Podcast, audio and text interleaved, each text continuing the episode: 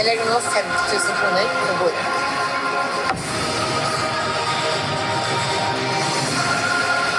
Jeg stoler ikke på Kevin, og derfor må jeg slutte egentlig.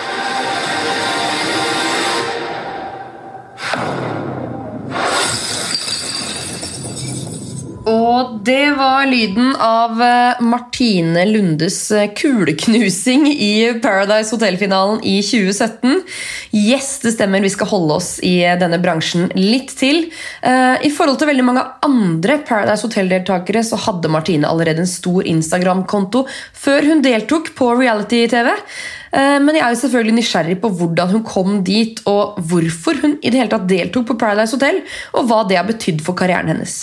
Jeg er også veldig interessert i å høre hvordan Martine Lunde har kommet så langt på å bare være søt og snill, uten å dele masse sterke meninger, provosere eller stå i stormer. Jeg vil snakke med henne om programlederrollen hun hadde i Glow Up, sminkemerket hennes MLA og deltakelsen i andre TV-produksjoner, som f.eks. Farmen og Skal vi danse.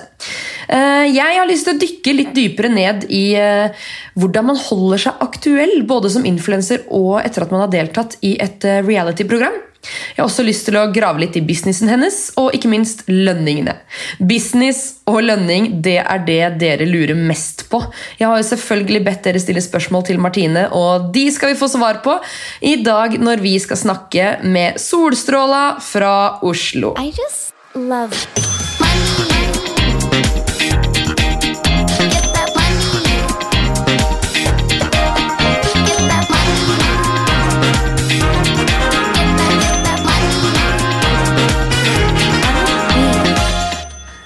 Velkommen, Martine. Veldig hyggelig at du har lyst til å være med i Karrierekvinne-podkast.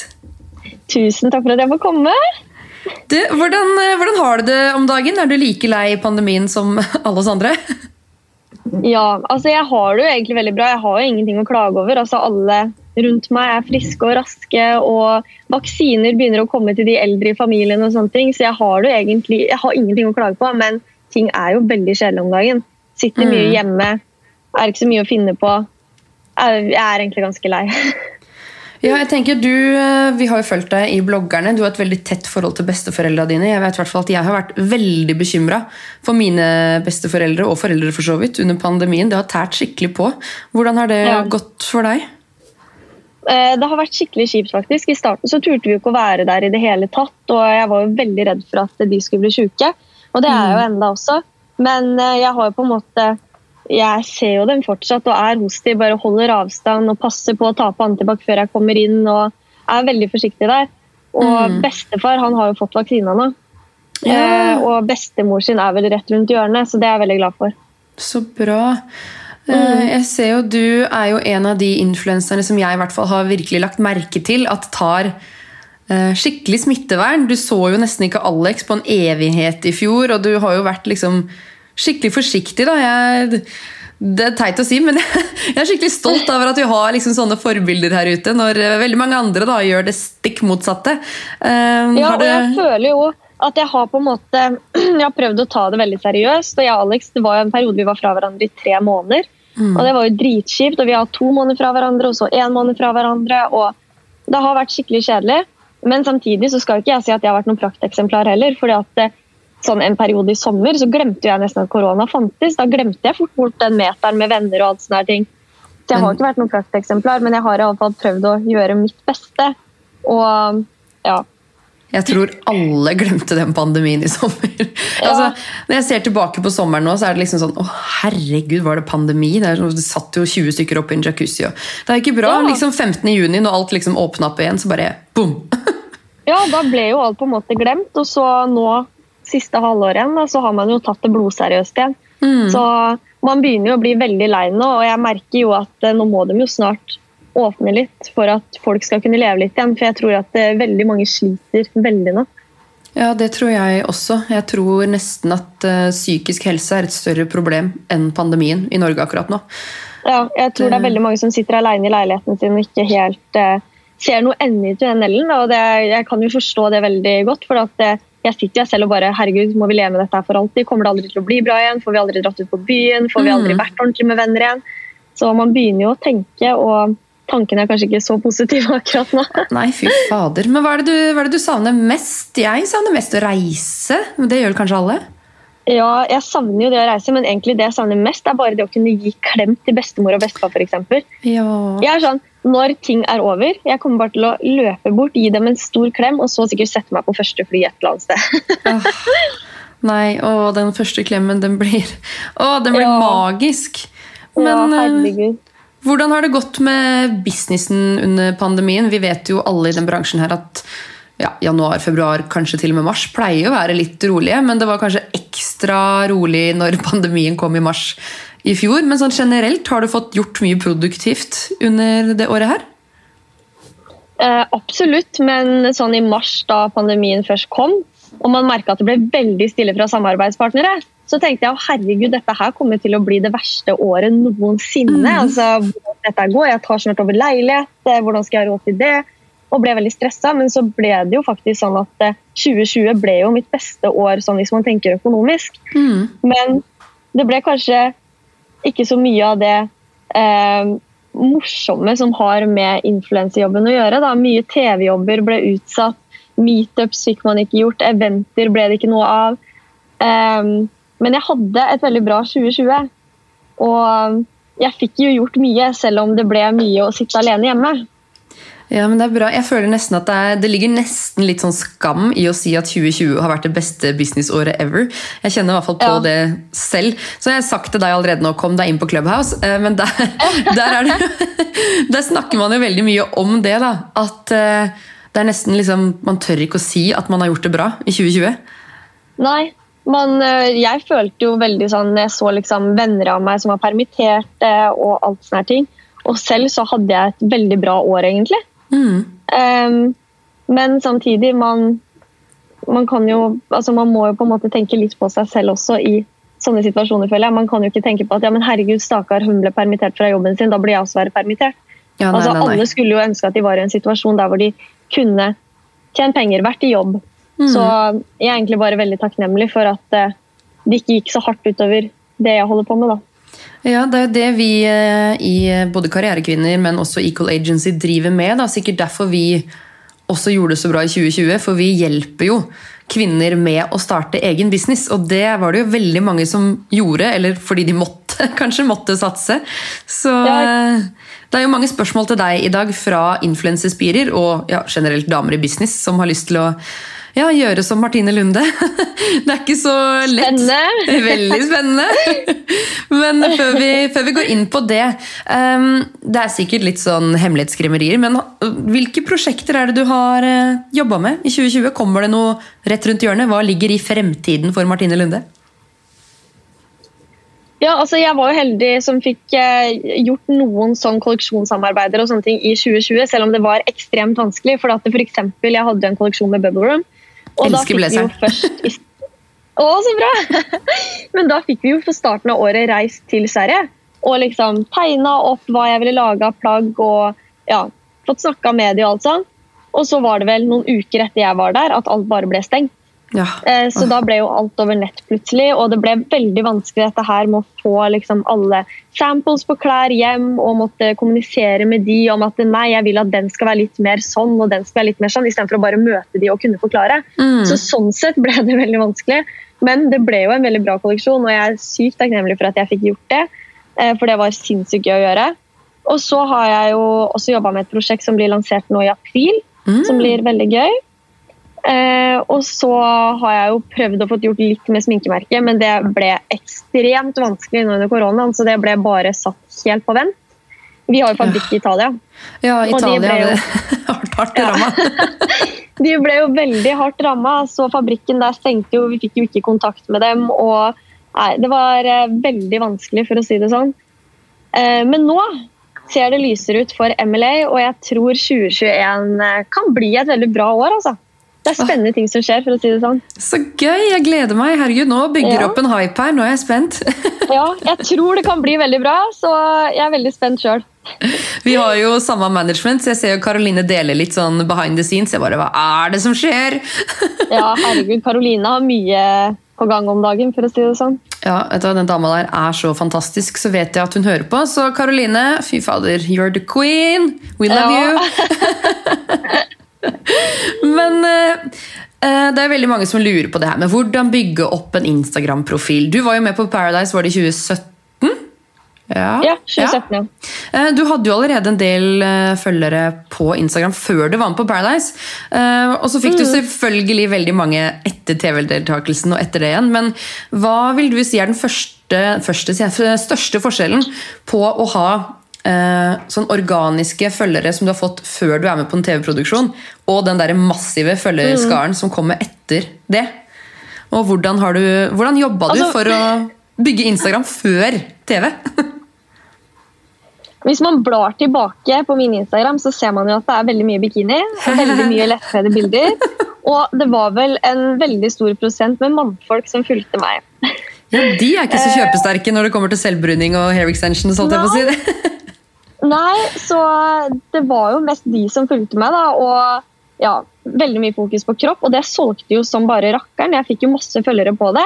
Og jeg ble også reposta mye av utenlandske brukere som posta mine bilder igjen. Og de hadde jo, jeg husker det var én profil som hadde sånn over en million følgere, som ofte posta bilder av meg. Så det rant jo inn følgere, da. Veldig mange litt ekle mannfolk. Eh, men det var jo også mange hyggelige folk. Og også, jeg merka allerede da at folk begynte liksom å spørre meg mye spørsmål. Det var ofte sånn der, Hvor er den tingen fra? Hvor er den tingen fra? Og det Mm. syns jeg var gøy. For at før det så var det liksom mye kommentarer som Å, du er digg. Og fin rumpe. Og så plutselig var det liksom mer interesse i det jeg gjorde, og det syns jeg var veldig morsomt. Og da jeg ble med på Paradise, så hadde jeg på en måte tenkt at ja, jeg får sikkert noen flere følgere. Mm. Men første episoden, altså Instagram min eksploderte jo. Jeg husker bare da første episoden eh, ble sendt på TV, og jeg oppdaterte Instagrammen min, så var det liksom 100 nye følgere hver gang jeg oppdaterte. Ah, Og jeg tror gøy. bare første kvelden fra da Paradise starta, så ramla det inn jeg tror det var mellom 15 og 20 000 følgere et sted. Ja, Så det tok helt av da den episoden først kom på TV, og det var jo helt sjukt. For jeg hadde jo ikke trodd at jeg skulle få så mange følgere. Jeg trodde kanskje sånn, ja, jeg er heldig om jeg kommer meg opp til 100 000 et sted. Mm. Men ja, det var veldig morsomt i hvert fall. Det tok veldig av. Og den sesongen min av Paradise, alle fikk så sjukt mange følgere, og alle liksom, Det er så mange i ettertid som har klart seg så bra Mm. bare ved å jobbe av sosiale medier, og det syns jeg er dritkult. Ja, det er kjempebra. Jeg tror det var et eller annet som skjedde i 2017, at influenser nesten Det var da blogg kanskje begynte å gå litt mer ned, Instagram litt mer opp.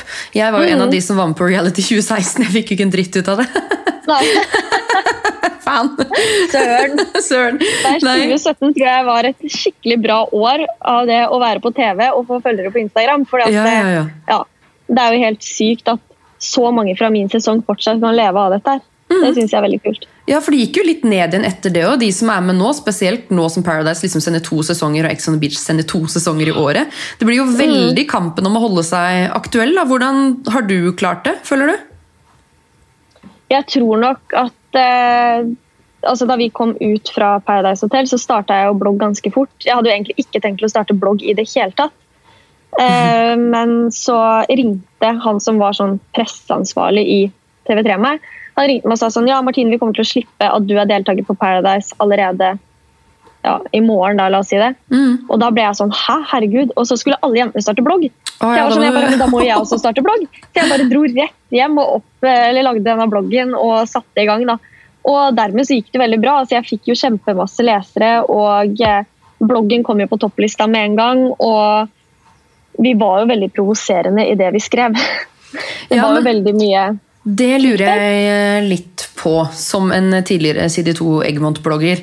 Var Mm. det veldig mye endring av titler og sånne ting hos deg også? Jeg føler at eh, det ofte blei moderert hva man la ut for at det skulle være ekstra clickbait mens man var aktuell med et eller annet. Ja, altså jeg clickbata som søren. jeg. Jeg, eh, og jeg husker spesielt godt de swipe-upsene mine på Instagram og Snapchat. Mm. Når jeg får opp sånn tilbakeblikk nå og ser hva jeg har lagt ut, jeg blir så himla flau. For det er liksom swipe up for å se hvor ofte jeg og Alex har sex. Swipe up for å høre om ditten og datten. Og det er bare sånn derre Er det seriøst, liksom? Jeg blir så flau av å se det. For jeg gjorde jo alt for å få lesere. For det var jo en altså Det var så mange flinke influensere på den tiden som blogga. Mm. Og det var jo på en måte en kamp om den førsteplassen. Ja, ja, Og jo drøyere man var, jo flere lesere fikk man. Så det er mye jeg skulle vært foruten, for å si det sånn. Og det er veldig mange innlegg jeg er superklein over i dag. Men var det Martine Lunde som tenkte at ok, det her er en fin overskrift? Eller ble du veldig prega av de andre jentene i Paradise? Eller var det noen som satt over der igjen, som på en måte fikk deg, eller, ja, fikk deg til å ha de overskriftene der? For det er det jeg tenkte. Jeg vet uh, at nå husker jeg ikke om det var Side 2 eller Eggemont, eller hvordan det var i 2017, men jeg vet at de modererte litt og endra litt på overskrifter og sånn, for at, uh, ja, for at de skulle få litt hørt ekstra klikk. Jeg har hørt rykter om det samme, men uh, jeg uh, hadde ingenting med de å gjøre sånn sett. Så Nei. det skjedde aldri med meg. Jeg var jo i AdSales fra dag én, egentlig. Og de ba meg aldri om å legge ut noe jeg ikke ville. Så det var vel mer det at man så hva andre la ut. Og ble litt påvirka bare tenkte sånn Ok, nå la hun ut eh, det. Hun fikk sykt mange lesere, ja, men da skal jeg søren meg gjøre det samme. Og jeg skal gjøre det drøyere. Så ja. Å, det er så sykt, det greiene der. Jeg husker spesielt godt et innlegg. Det var vel ikke deg, men det var vel var det Sofie og Andrea som la ut Ja. disse puppebildene og alt. altså, jeg bare tenker, tenker på det nå. Fy fader, ja, de lever jo fortsatt av det her, så noe godt må det jo ha vært. Men ja. um, Jeg tror folk var ganske desperate på den tiden der, og alle ville på den førsteplassen, og alle ville så høyt opp som mulig. Så ja, det ble jo en liten kamp om å legge ut det drøyeste.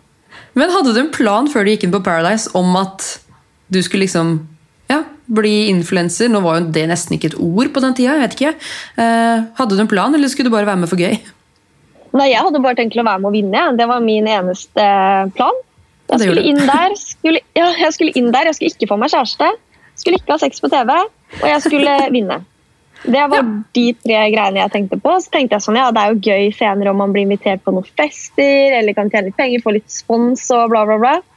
Eh, Så det gikk jo over all forventning. Det har gått mye bedre enn hva jeg trodde det skulle gå. Jeg hadde aldri trodd da jeg satt i Mexico for fire år siden at jeg skulle leve av å være influenser eh, fire år senere. da. Det hadde jeg aldri trodd. Nei, ikke sant? Men de som melder seg på et TV-program nå, veldig mange av de har jo en plan om å oppnå det du har oppnådd, men som du kanskje ikke hadde planer om. Eh, hvordan tenker du de bør oppføre seg på TV for å faktisk ja, klare det? da? Må man ha sex på TV og ha drøye overskrifter, eller? Ja, hva da, nei absolutt ikke. Anbefaler alle. Ja, alle må ligge på TV. Nei, altså, jeg tror at så lenge man oppfører seg bra på TV Og det sa jo mamma til meg også før jeg reiste. Hun sa så lenge du ikke er slem mot noen, så kan du egentlig gjøre det du vil der inne. Hun bare, Jeg blir mer skuffa over deg om du mobber noen, er slem mot noen, enn om du har sex med noen. Mm. Um, og det husker jeg at jeg tenkte mye over. At uansett hva du gjør, Martine, her inne, så bare ikke vær slem. Nå fikk jeg gåsehud for en fantastisk mamma du har, som bare liksom Ja, Ja. hun er veldig bra. Så, nei, så jeg er veldig glad for at hun sa det sånn til meg. Da, og det er jeg veldig glad for at jeg tok med meg inn der også. For man kommer i situasjoner hvor man, bare har lyst til å, altså man har lyst til å rive av folk huet. Mm. Og da er det jo bare å ta seg sammen og bare tenke nei, vær grei, Martine. Mm. Eh, og det er jeg veldig glad for. For jeg tror at så lenge man er grei og snill mot folk på TV, så kommer man langt i ettertid. da. Mm. Og det der med å ha sex på TV, altså det har blitt så vanlig nå. Ja, ja, ja, At eh, Man skal på en måte ikke skamme seg over det. Jeg tror ikke det er noe som ødelegger så veldig mye for folk i arbeidslivet senere. Nå skal ikke jeg si det for sikkert i og med at ikke jeg har søkt noe jobb etter Paradise Hotel, men ja, jeg føler sånn alle har sex. De fleste har sex en eller annen gang i livet. Mm. Det er en grunn til at vi alle mennesker sitter på denne jorda her, så nå må man slutte å liksom se på det som noe helt sykt farlig, for det er det ikke. Nei, det er faktisk ikke det. Og når man har holdt på med noen da, i såpass lang tid som man er inne på Paradise, hadde man gjort det hjemme Man hadde jo hatt sex for lenge siden. De ja, det er fleste, det i jeg hvert også fall. tenker. Altså, jeg og Alex vi var jo på hverandre hver eneste dag i en uke. Vi delte seng. Vi ja, gjorde ting sammen 24 timer i døgnet. Mm. Og det gjør man jo ikke her hjemme i Oslo og man begynner å date noen. Da er det Nei, kanskje, nei. ja, Man møtes noen ganger, og folk har jo den der regelen om at eh, på tredje date skjer det. Mm. Men vi hadde jo vært på hverandre konstant. Og, da kom, og vi var jo åpenbart interessert i hverandre. Mm. Og Det gikk jo bra. bare, ja, ja, det gikk jo heldigvis bra ettertid. Da. Jeg var litt redd for det. Herregud, lå jeg på TV-en, og så kommer jeg hjem, og så er det ikke noe mer mellom oss. liksom. Hvordan kommer en fremtidig kjæreste til å reagere på dette her? Men Ja, eh, det, ja, men- det, har du, det har ikke du hatt noe problem med, holdt jeg på å si. Du er jo fortsatt sammen med Alex. ja, jeg er jo det. Så Takk Men- for det. Dere er jo så søte sammen. Ja, takk. Men eh, du eh, Altså, du var jo snill og grei på Paradise. Og du er jo veldig snill og grei. Men altså, er du alltid liksom søt og snill og grei? Eh, hvis du spør Oi, vent da, Alex. Kan du bare komme, for Milo har en nøtt i munnen. Ja, han har, han har en nøtt i munnen. Kanskje Alex som skal svare om Martine alltid er snill og grei. Ja, han burde jo nesten det. Nei, men ja, Hvis du spør Alex, for eksempel, så kommer nok han til å si at jeg ikke alltid er snill og grei. For eksempel sånn når jeg har eh, mensen, eh, da er ikke jeg så hyggelig. Han har det i munnen ennå, Alex. Jo, han har det. Han bare skjuler den for deg. Jeg føler at jeg er med sånn, eller at jeg ser på dere på sofaen nå. Jeg, føler at jeg er et barn jeg, som jeg må passe på. Men da ligger den et eller annet sted der, altså. Ja. Nei, men Jo, eh, over til det. Ja, eh, når jeg f.eks. har mensen, eh, da er det ikke så veldig hyggelig å ha med å gjøre. Da er det kanskje én dag i løpet av den perioden da når jeg har mensen, hvor jeg bare blir et vrak. Det er ikke så hyggelig. Jeg kan kjefte mye. Jeg kan Ja, ja nå sier Alex takk her for at jeg ærlig innrømmer det. Eh, så så forrige uke da hadde vi en dag hvor jeg bare tok en sånn skikkelig oppvask med Alex og bare var så forbanna for egentlig alt mulig. Men dagen etter da er jeg blid og fornøyd igjen. Så liksom bare sånn én, gang, én dag i måneden da er jeg et helvete av å gjøre. fy fader, mannfolk må bare respektere den der syklusen, det hormonhelvete som skjer med oss damer. Altså. Fy fader. Men er du sånn Jeg tror ikke de forstår Nei, nei, selvfølgelig de forstår de ikke det. Jo, Kjæresten min er jo sjøkaptein, så han er jo borte halve året. Han, er, han jobber Ja. to uker av og to uker på. Og Jeg er sånn, jeg har to uker hvor jeg bare eggløsning, jeg skinner, jeg rocker, jeg eier verden. Jeg ser på meg selv i speilet og bare yeah, girl. Og så har jeg to uker hvor jeg har liksom PMS og stygge-uka og er dritforbanna, deprimert, føler meg stygg, feit, kvisete, ekkel. Og de to ukene er han hjemme. Hver gang. Ja, ikke sant. Så jeg Det er så typisk det. Du vet ikke hvem du egentlig er sammen med, hvilken fantastisk dame du er sammen med. Nei. Det er gøy, det Sånn som sist da Alex skulle komme Ja, Alex skulle komme til Oslo sist. Og da spurte han liksom har du akkurat hatt mensen nå, eller kommer det? Jeg tror han hadde tenkt å legge opp den Oslo-turen etter når jeg hadde mensen, ikke. Veldig smart. Veldig smart, Ja. Alex. Men eh, altså, du har jo klart og, altså, Grunnen til at jeg spør om du alltid er snill og grei, er jo fordi du har klart å holde deg superaktuell uten å stå i masse stormer, uten å drite deg ut, uten å være med i masse debatter. Eh, Hvordan har du klart det? Tror du selv? Jeg tror generelt at jeg er en person som aldri har gått inn for å provosere. Jeg har ikke helt skjønt poenget med det. Og ja, jeg ser jo at folk gjør det fordi at de klarer å holde seg aktuelle. De får dritmye følgere ved å gjøre ting som ja, i hvert fall ikke jeg kanskje hadde gjort. da. Men jeg tror bare det at eh, for min del så har det bare funka det å ikke skulle provosere. Jeg har aldri sett poenget i å skulle lage noe bloggdrama eller bloggkrangler eller havne i noen helt sjuke debatter. Det har aldri vært min greie, og jeg er en veldig sånn chill person, egentlig. Jeg hater drama, Mm. og jeg liker ikke å ha drama i livet mitt. Jeg tror jeg hadde blitt veldig stressa om det da skulle foregått over nett. Mm. Og jeg, eh, Sånn som eksempel vennene mine. da, de er liksom, altså Det er aldri noe tull, liksom.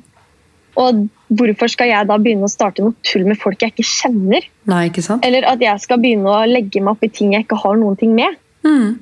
Så nei, jeg har bare holdt meg egentlig veldig unna det, noe jeg er veldig glad for. Eh, det er ikke helt min greie, og jeg tror jeg er litt for chill til å skulle holde på med det der. Og jeg får seriøst panikk så fort det er noe drama rundt meg.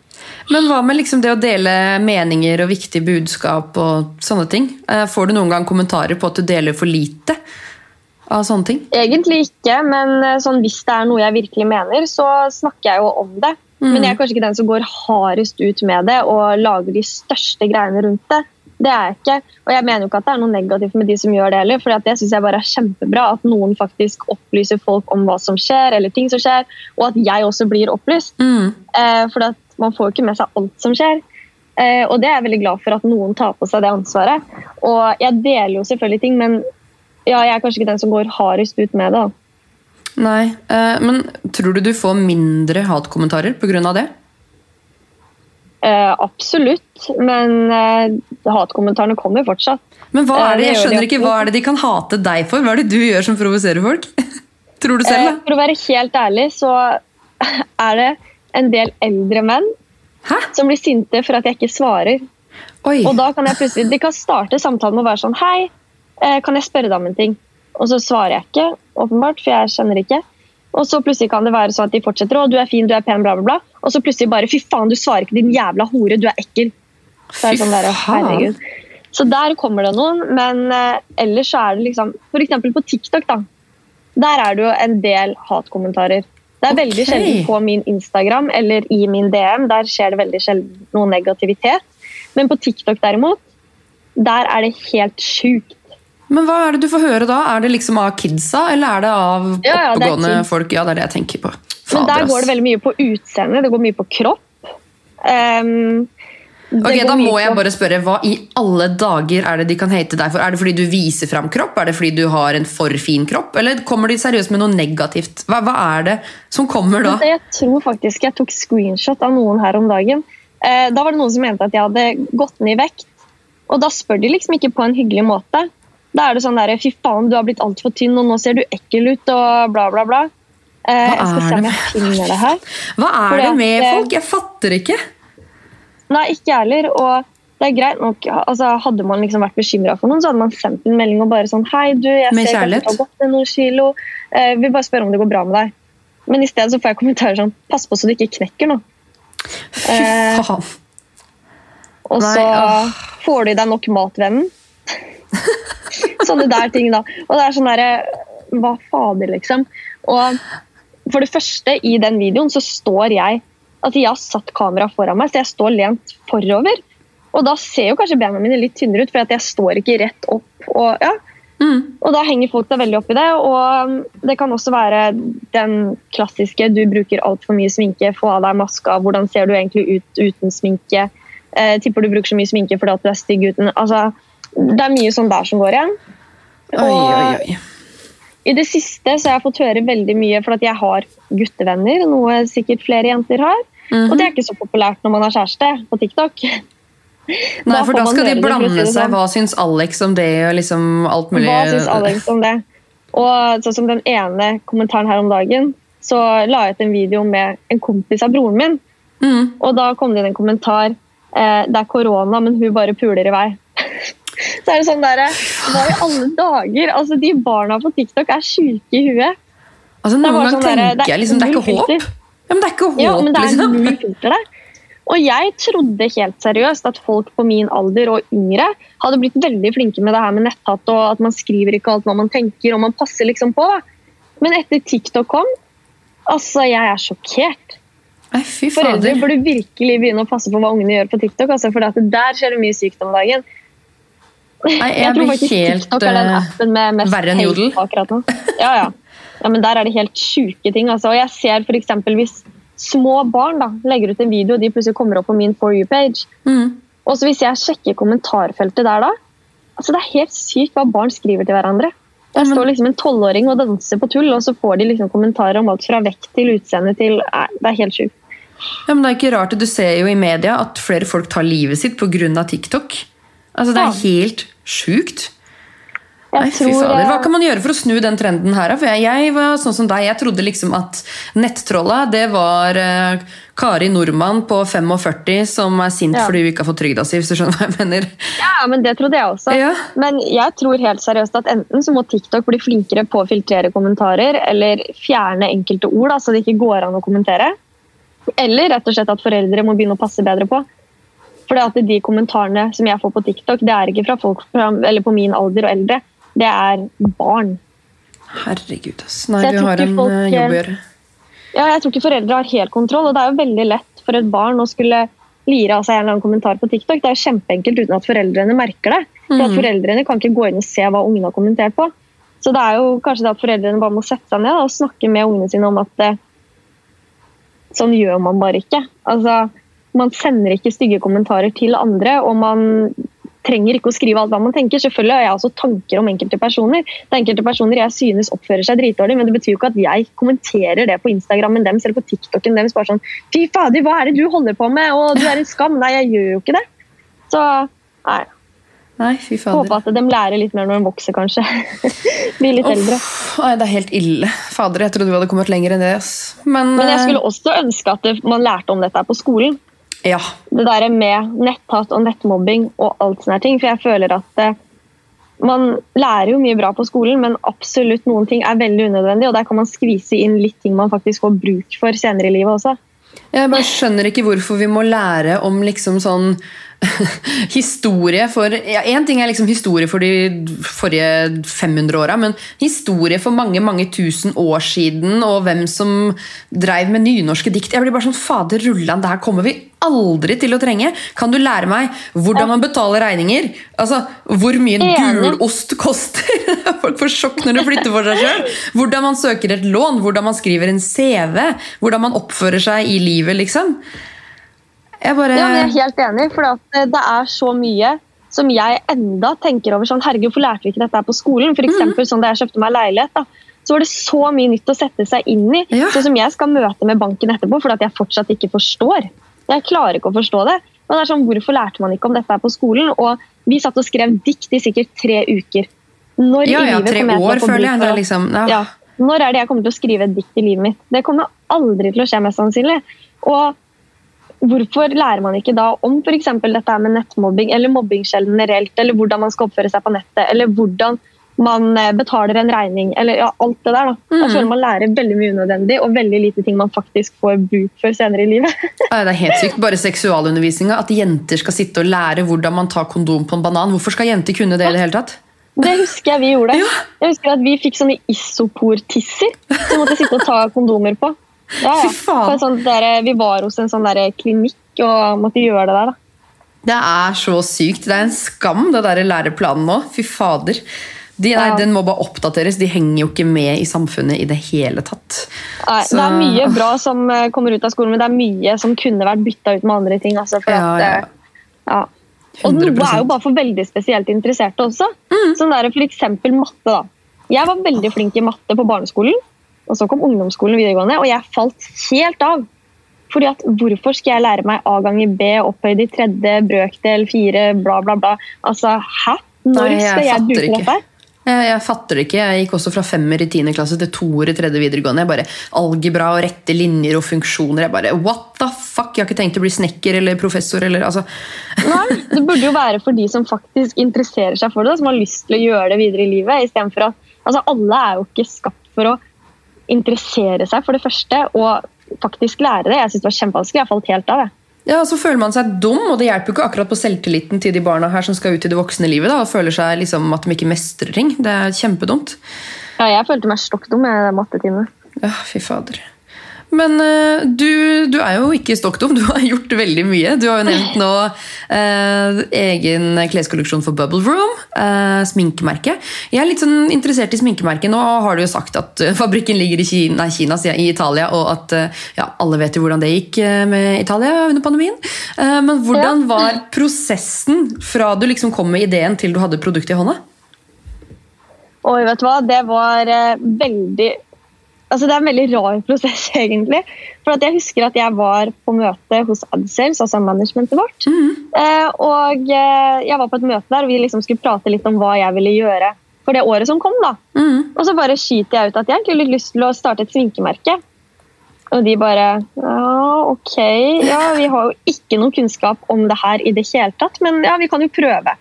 Og da satte vi i gang bare å google i vei om fabrikker og hva man på en måte må passe litt ekstra på. da. For det er jo sinnssykt mange regler her i Norge. Mm. Altså, ja. Eh, så vi måtte bare sette oss ned og søke, rett og slett. Og fant noen fabrikker som virka bra. Jeg og Karoline reiste ned til Italia og besøkte noen av fabrikkene. Og fant en vi likte veldig godt. Jeg fikk med meg en haug av tester hjem. og da husker jeg at jeg fikk med meg sinnssykt mange brune eller så var det oransje øyenskygger hjem. Og da er det liksom det å finne ingredienser, da. Det er jo ja. dritvanskelig. For, det, for det første så er det ingredienser som ikke er lov til å ta og selge i Norge. Det er ingredienser som ikke er bra å bruke i sminke. Og man lærer så sinnssykt mye. For så fikk jeg jo vite om et ingrediens som er knuste marihøner. Eller de er først brent, levende marihøner, og så er de knust for å få frem pigmentet.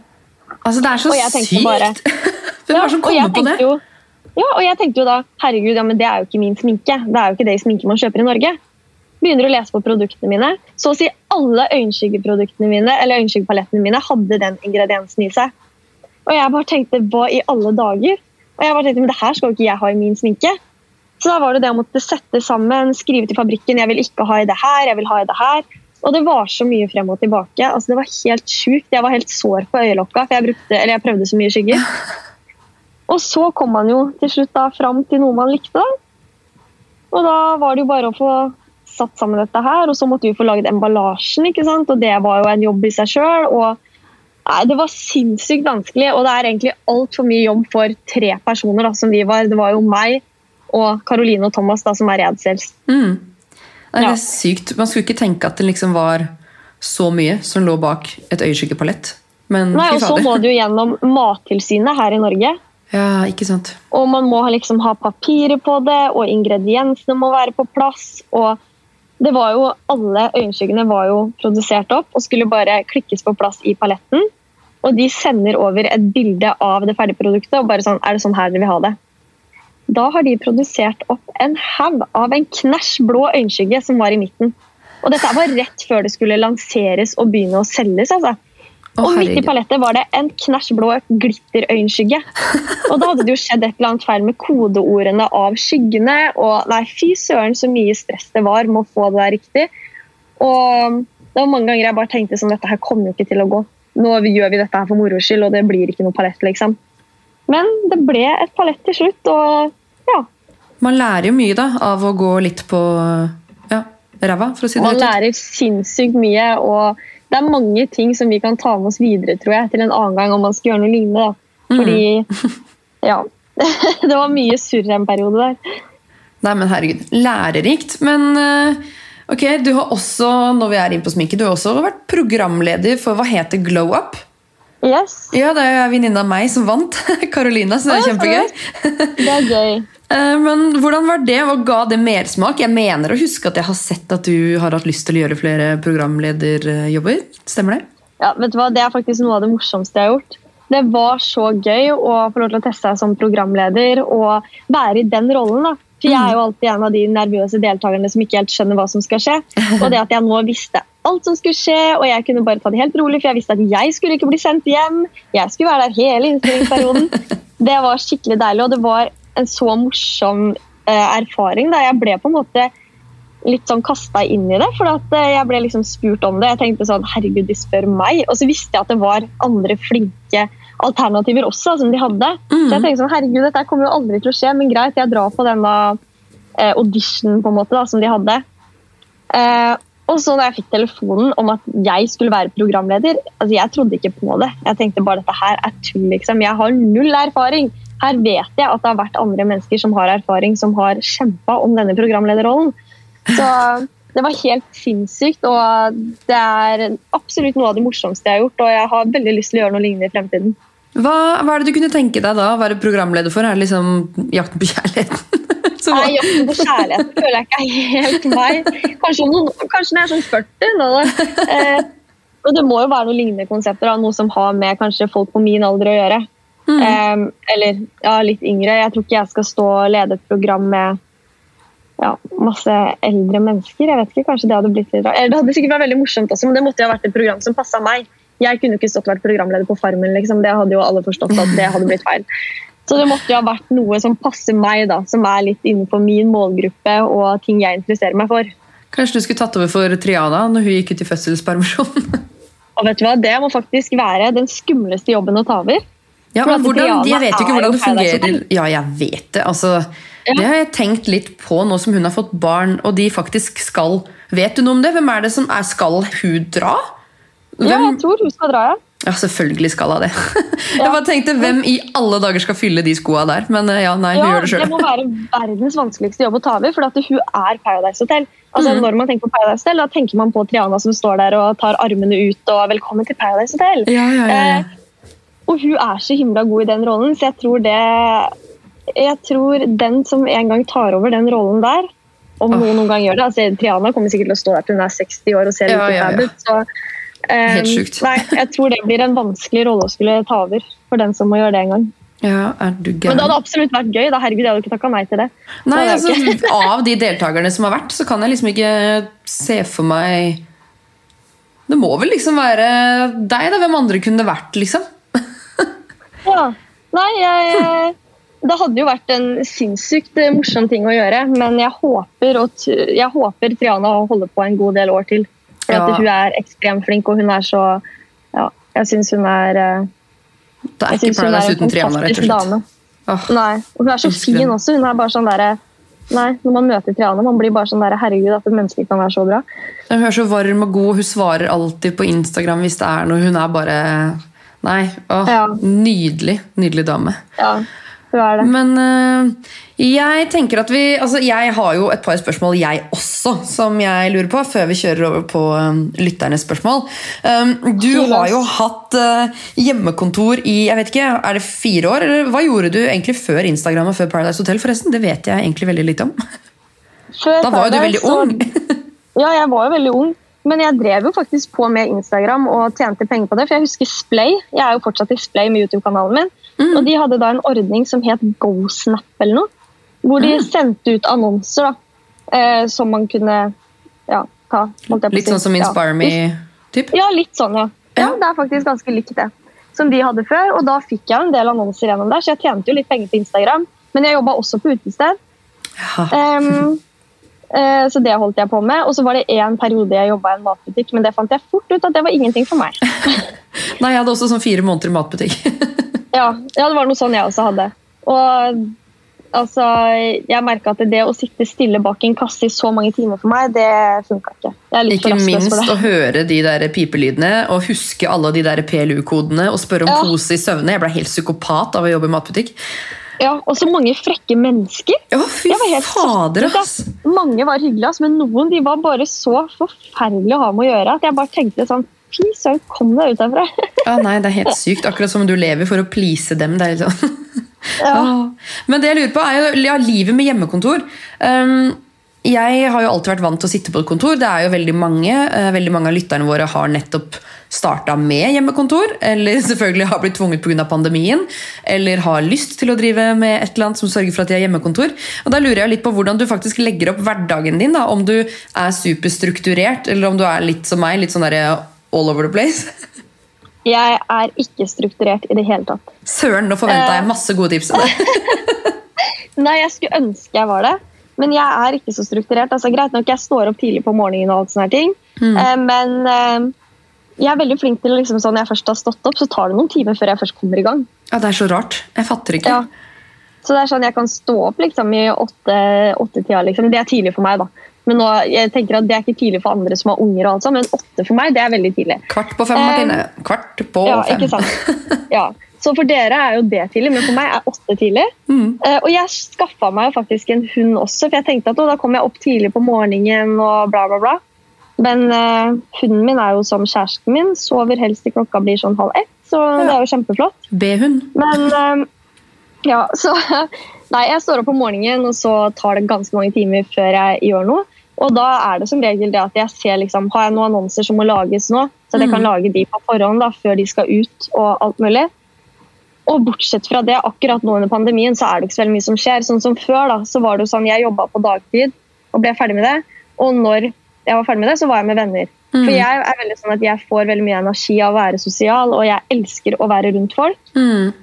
Så nå under pandemien, jeg holder jo på å fly på veggen, ikke sant? For nå er det sånn, jeg jobber, og jeg merker at jeg bruker mye lengre tid på jobben nå også. Mm. For at jeg er bare hjemme, det er ingenting som skjer, så jeg bruker så mye, jeg bruker så sinnssykt lang tid på å lage ferdig en annonse, for at jeg bare surrer. Mm. Plutselig tar jeg meg en pause, og så tar jeg bare en tur med bil, og så går jeg bort til bestemor og bestefar en tur, og så begynner jeg å jobbe litt igjen. Så akkurat nå, det finnes ikke struktur i min hverdag.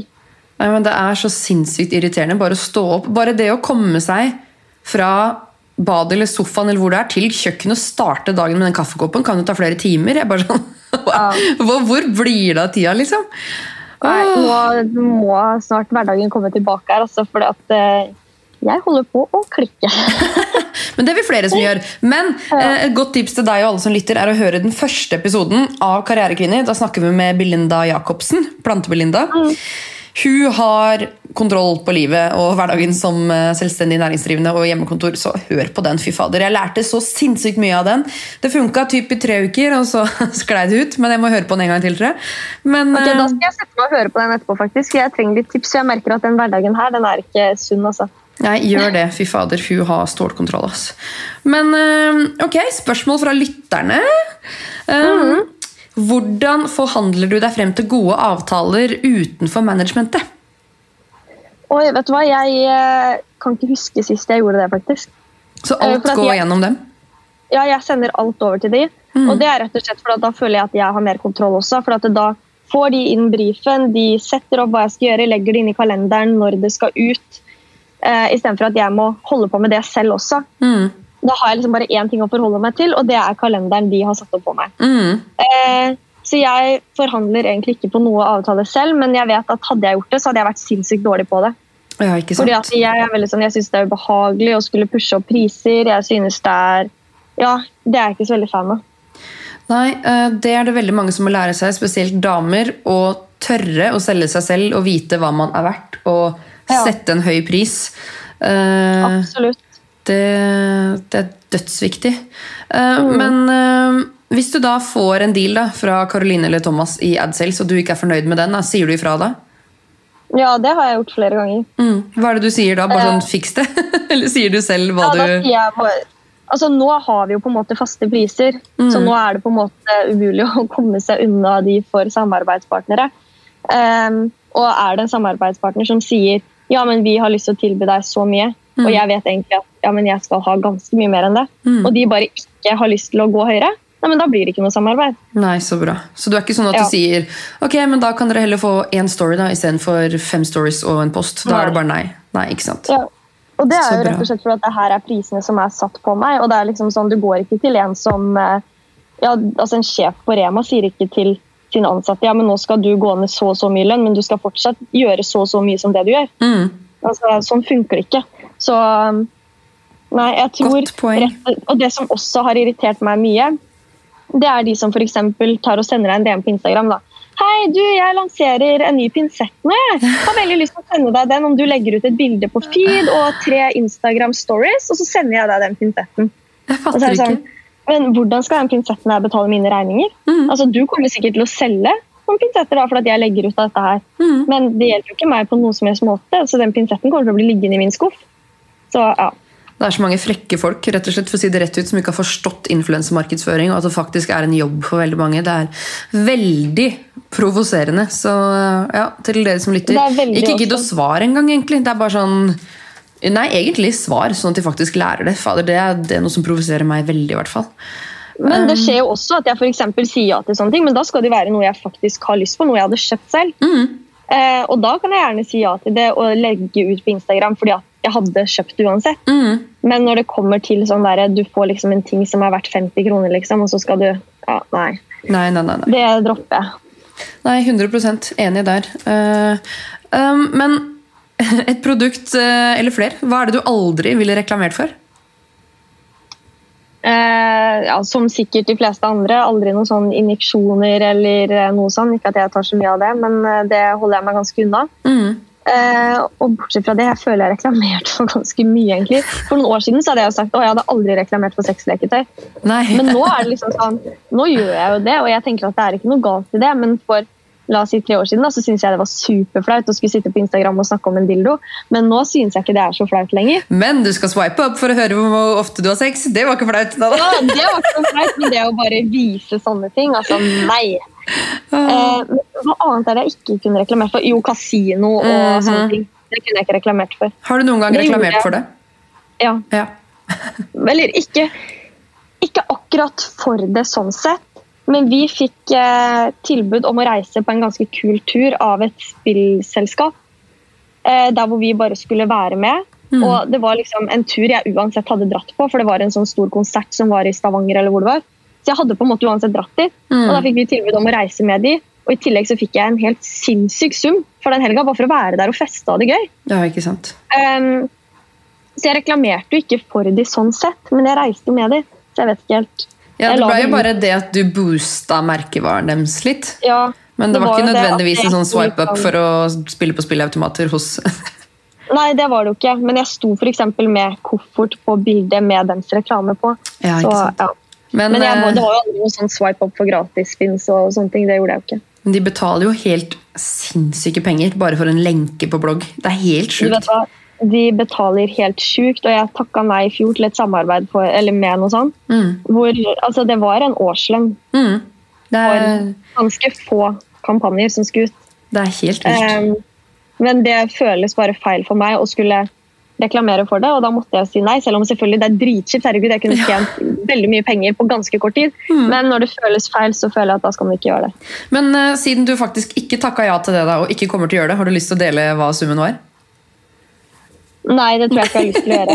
Det er for det er helt svimlende summer. Jeg tror ikke folk forstår hvor mye for eksempel, sånne Betson-ambassadører og sånt faktisk tjener. Da. Det er sånn Å, er herregud, hvorfor gidder de det? det sånn, hvorfor tror du George Clooney reklamerer for Nespresso? Det er ikke fordi karrieren hans nødvendigvis har gått til helvete, men fordi han tjener 100 ganger mer enn det han hadde gjort på en film. Ja, og det er nettopp det. Og man kan jo si at det, det jeg fikk tilbudt, at det var jo en årslønn for de som f.eks. Eh, ja, nå vet ikke jeg hva folk tjener i forskjellige yrker, da, men en årslønn for ganske mange mennesker. da. Mm. Det kan man jo si. Nei, det er helt sykt. Uh, men uh, ved, her er det også et spørsmål. Ja, den, jo, den passer jo litt fint nå, siden vi har snakka litt om det her med influenser og forbilder og sånne ting. Eh, hvem er Norges viktigste influenser, og hvorfor? Norges viktigste influenser.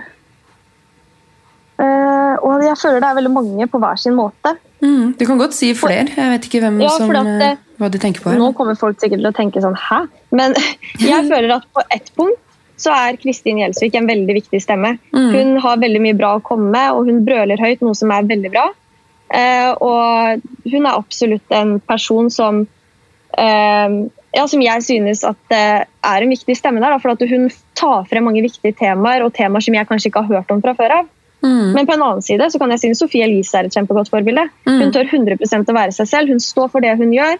Ene dagen kan hun legge ut bilde av at hun eh, sitter i en sminkestol og er superglam. Neste dag legger hun ut bilde av at hun sitter med strekkmerker. Mm. Jeg føler at hun også er et veldig viktig forbilde. Så jeg Ja. føler at det er veldig mange fine forbilder der ute. Selv om de er vidt forskjellige, så føler jeg at det er bra forbilder. Er helt enig, fordi begge kjemper jo f.eks. nå, da, kvinnedagen som eh, har vært.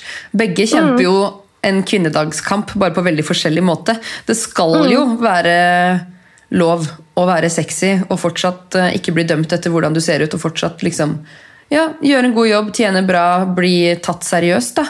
Eh, Men også sånn som Absolutt. Kristin Gjelsvik sier, at man skal jo ikke ta med TV 2 inn i operasjonsrommet, men det er, det er liksom Nei, det er umulig. Jeg, jeg skrev et eller annet i en Instagram-post en gang. Det var vel faktisk et quote fra ja, fra Anne-Britt, faktisk. Det er der jeg møtte deg sist. i boklanseringa til Anne-Britt.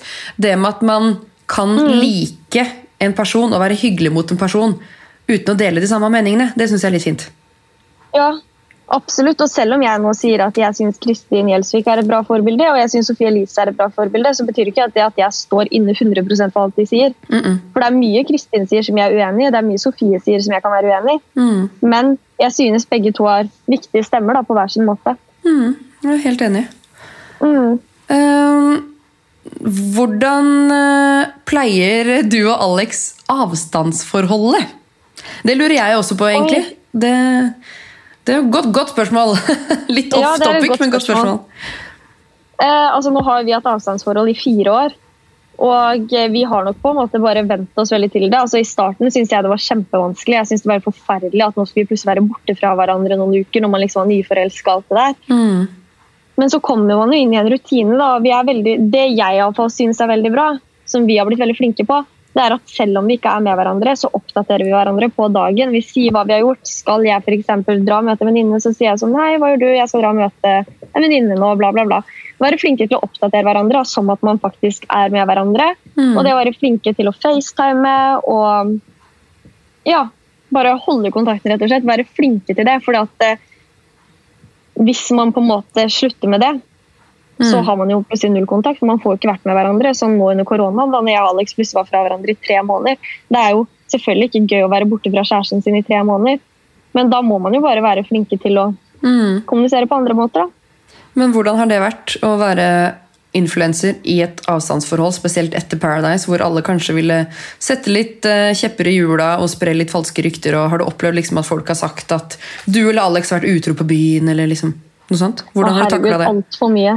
Ja, nei, det var, I starten så syntes jeg det var dritvanskelig. fordi at Hvis han for eksempel var ute i Bergen da. Mm. Alex har en kusine som er like gammel som meg.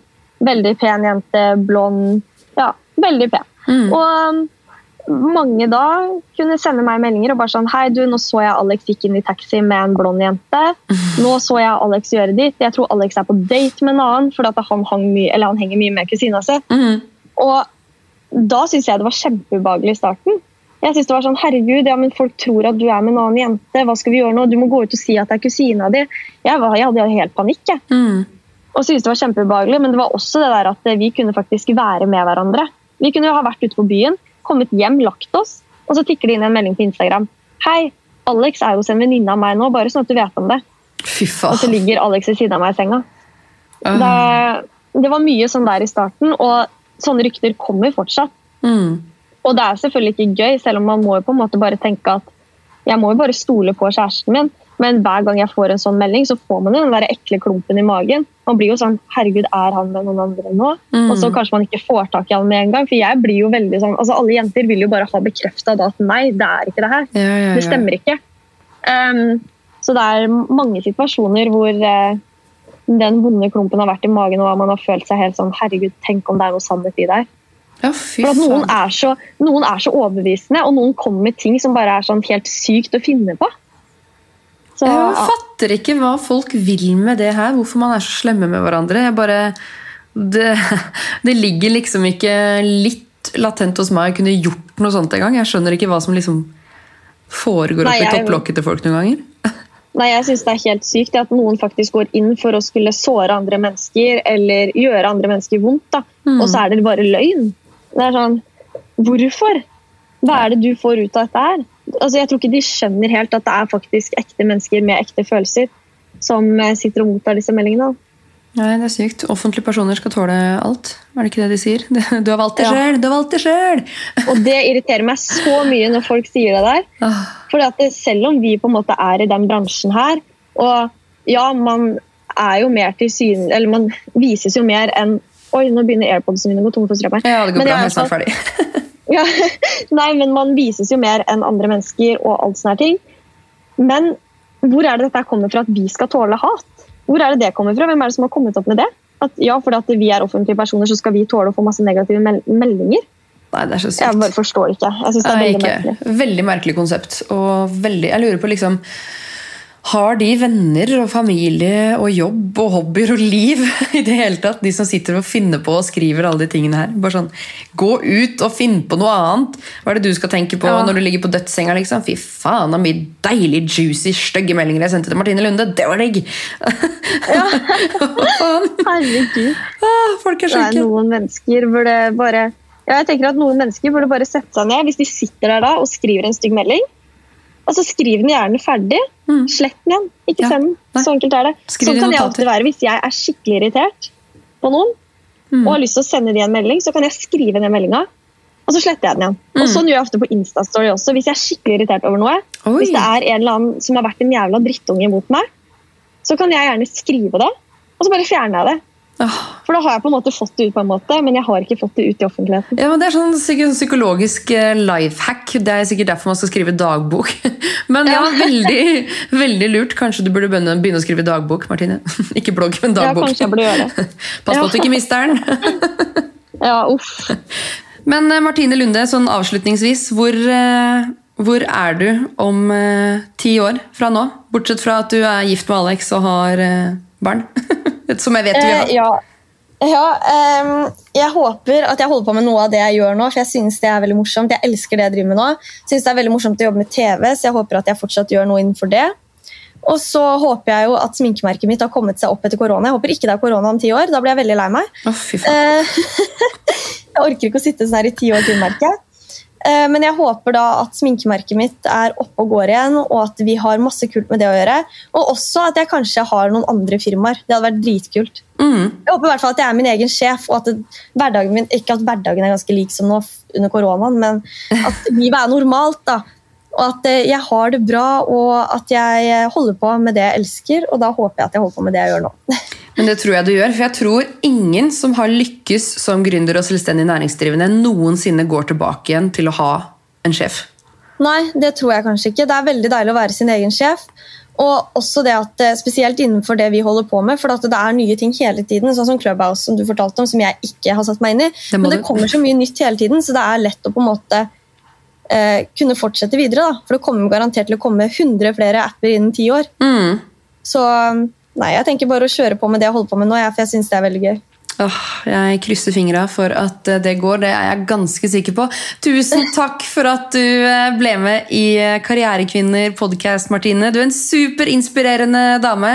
Og selv om du ikke bare er søt og grei, så gir du et veldig godt inntrykk til alle sammen der ute, syns jeg. Du gjør en veldig god jobb. Men det er veldig hyggelig å høre. Tusen takk, og takk for at jeg fikk lov til å være med. Of course! Nei, men eh, Da er det bare for eh, lytterne å gå inn og følge Martine Lunde, som jeg regner med at 99% av dere gjør fra før av. Uh, og så må dere trykke abonner på Karrierekvinner podcast. Gjerne gi oss en review og noen stjerner.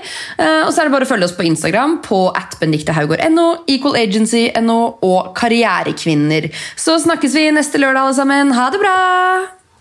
Ha det! I just love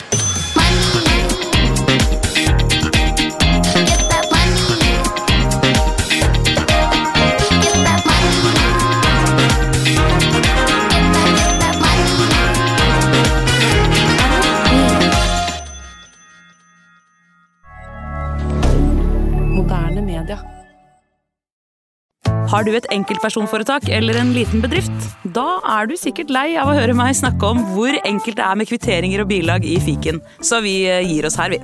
Fordi vi liker enkelt. Fiken superenkelt regnskap.